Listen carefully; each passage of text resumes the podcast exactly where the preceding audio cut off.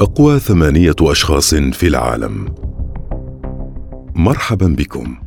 أحيانا تعرف بمجرد النظر إلى أحدهم أنه لا يتوجب عليك التورط معه في أي شيء. نحن نتحدث عن أشخاص مذهلين وأقوياء ومثيرين للدهشة حتى إنه يتوجب عليك البقاء على مسافة منهم وملاحظتهم من بعيد. مظهرا الإعجاب والدهشة فقط لا غير. في مقطع اليوم قمنا بتجميع من هم على هذه الشاكلة. هل أنت مستعد للتعرف على مهاراتهم؟ هيا بنا لنبدأ. جيكا يورغو. يطلق على هذا الرجل أيضا اسم نينجا وهذا لسبب واضح وهو أنه يمارس كل أنواع الرياضات منذ طفولته حيث إن والديه قد قاما بإلحاقه بمدرسة تايكواندو. وهو يبلغ من العمر أربع سنوات. وهو منذ ذلك الحين لم يحصل على أي قسط من الراحة نظرا لأنه بالتأكيد لم يتوقف عن الفنون القتالية. وإنما لدى بلوغه من العمر عشر سنوات بدأ في ممارسة الملاكمة التايلاندية ثم انتقل إلى الكاراتيه. هذا بالإضافة إلى ألعاب الأكروبات التي أضافها إلى تمريناته لأنه أراد أن يتعلم رياضة الباركور أيضا. الأمر الذي أثر على طريقته وحركاته. إن أسلوبه مذهل ولياقته البدنية لا تصدق. يقول البعض إنه في أي مواجهة حقيقية سوف تكون كل هذه الحركات الأكروباتية غير مجدية على الإطلاق. وأن هذا الرجل يستعرض هذه الحركات أمام الكاميرا فحسب. ولكنه يستطيع أيضا أن يقوم بسلسلة من الحركات خلال ثوان قليلة. شايان مينغ. من المستحيل أن تكون هذه القائمة مكتملة دون هذا المحارب الراهب شايان مينغ. الذي كان السابع من بين تسعة أبناء. وعندما بلغ من العمر خمس سنوات أخذه والده إلى معبد شاولين حيث أصبح واحدا من أصغر الرهبان عمرا. في هذا المعبد تعلم الفنون القتالية واسرارا أخرى عن الشرق بوجه عام. في عام 1992 كان شاي الذي فاز بالعديد من منافسات الفنون القتالية المحلية قد تم اختياره ليكون ضمن مجموعة من الرهبان الذين تم دعوتهم بواسطة مؤسسة الكونغ فو للقيام بجولة في الولايات المتحدة الأمريكية ولكنه لم يكن ينوي العودة إلى الصين مرة أخرى. وبالتالي فقد ترك الفندق الذي كان يقيم فيه في منتصف الليل.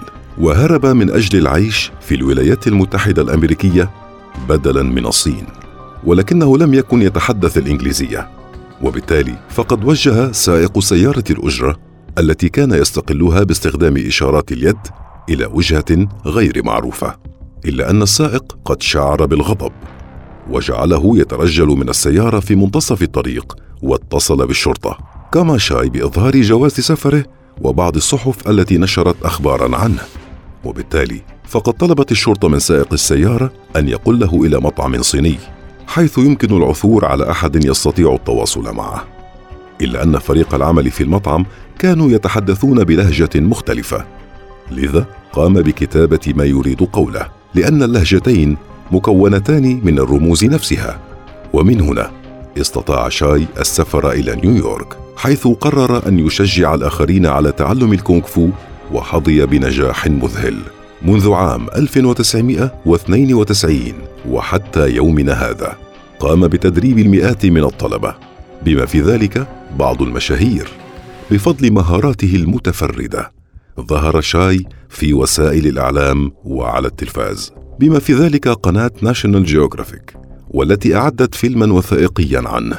يقول البعض إنه إلى جانب مهاراته في الفنون القتالية فهو يستطيع أيضا لعق الحديد الساخن إلا أن احدا لا يعلم أهمية ذلك بالنسبة له على أي حال.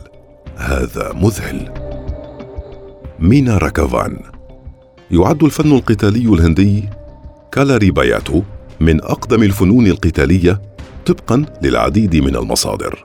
يرجع تاريخ هذا الفن القتالي إلى 1300 أو 2300 عام. تتم ممارسته في المعابد حيث يقوم المحاربون بقفزات مذهلة كما يقومون بالتلويح بتلك الأعمدة الطويلة وكذلك بالسيوف والدروع والفؤوس والرماح. هناك سيوف مرنة متخصصة يتم استخدامها ضد المنافسين بواسطة المحارب الذي يبرع في هذا الفن القتالي. يعد كالاري باياتو بوجه عام فن قتالي متفرد وجاد. يسمح لكل من الرجال والنساء بممارسته إلا أن النساء عادة ما يتوقفون عن ممارسته عند بلوغهم من العمر عشرين عام ولكن ليس هذا هو الحال مع مينا راكافان. البالغة من العمر 76 عام وهي أقدم ممارسة لهذا الفن القتالي. يفضل الأغلبية قضاء وقت تقاعدهم في الاسترخاء داخل المنزل.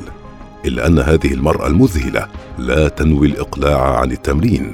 على أي حال لقد بدأت بممارسة هذا الفن القتالي وهي تبلغ من العمر سبع سنوات. فلما عليها أن تتوقف وهي تبلغ من العمر 76 عام. بالإضافة إلى ذلك هي تدير مدرسة من أجل تشجيع الآخرين على تعلم هذا الفن القتالي العتيق في هذه المدرسة. يدرس كل من الطلاب المحليين وأيضا الأجانب ويدعوها طلابها بالجدة انطلاقا من حبهم لها. لا تتقاضى الجدة أي أموال مقابل ما تدرسه للطلاب من تمرينات وإنما يقومون هم بالتبرع لدى استكمال فترة تدريبهم بحيث تستطيع هي أن تستكمل مشاركة معرفتها بهذا الفن القتالي مع كل من يرغب في ذلك. فيتو بريبيزاري. عضلات حديدية طول القامة 196 سنتيمتر. ذقن سوداء طويلة مظهر جاد ومخيف. إليكم المدون الألماني عن اللياقة البدنية. فيتو بريبيزاري. هذا الرجل مفتول العضلات هو ممثل ومحترف في مجال كمال الأجسام. على الرغم من شكله هذا إلا أنه شخص محبوب. أعلم أنه يصعب تصديق هذا الأمر خصوصا إذا رأيت مسلسل Dogs of Berlin على نتفليكس هذا بالإضافة إلى أنه يحب إلهام متابعيه عن طريق مشاركة تمريناته المعتادة ويبلغ عدد متابعيه مئة ألف متابع. ميندي كيلي. يقال إننا عندما نشير إلى نينجا محترف فهذا يعني إنه رجل قوي بقناع يستخدم سلاحا نينشاكو. ويتنقل بين أسطح المنازل. ولكن قامت ميندي كيلي بكسر هذه الفكرة النمطية حيث إنها بطلة عالمية في مجال الفنون القتالية.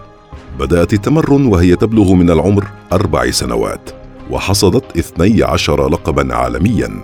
لقد تمكنت من التوصل إلى هذا كله لأنها تؤمن أنه ليس هناك ثمة شيء مستحيل وأنه ليس هناك ما يسمى بالاختيارات الصائبة أو الخاطئة في الحياة. وإنما أهم شيء هو المثابرة وعدم الاستسلام.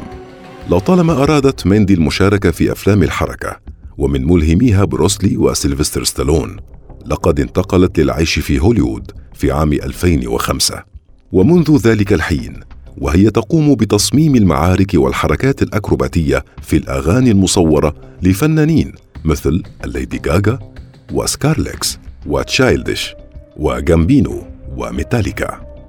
من المؤكد أنك كنت قد رأيت وجه ميندي كيلي عدة مرات على الرغم من أنها لم تستطع الوصول إلى شاشة السينما إلا أنها تساعد ممثلين آخرين على الظهور بشكل رائع وهي تعمل بجد من أجل تحقيق أحلامهم مما يلهم الكثيرين إنجينيو ماذا يمكن أن يحدث لدى المزج بين حركات التايكواندو العنيفة وحركات الوشو الرشيقة؟ على الأرجح سوف ينتج عن ذلك فن قتالي مذهل لا يشبه أي شيء. ربما تكون قد رأيته من قبل. ظهر هذا الفن القتالي في الفترة ما بين عقدي 1990 و2000 ويتطلب خفة حركة ودقة. أما عن المحارب الكوري إنجين يو والمعروف باسم كيك جان فيعد من أفضل ممارسي هذا الفن القتالي. لقد بدأ ممارسة رياضة التايكواندو وهو يبلغ من العمر خمس سنوات. وكل ما تقدم في العمر كان شغفه بالفنون القتالية يزداد. حتى أدرك ذات يوم أنه يرغب في تجربة شيء مختلف على أن يكون في الوقت نفسه على أساس نفس التقنيات المتعارف عليها.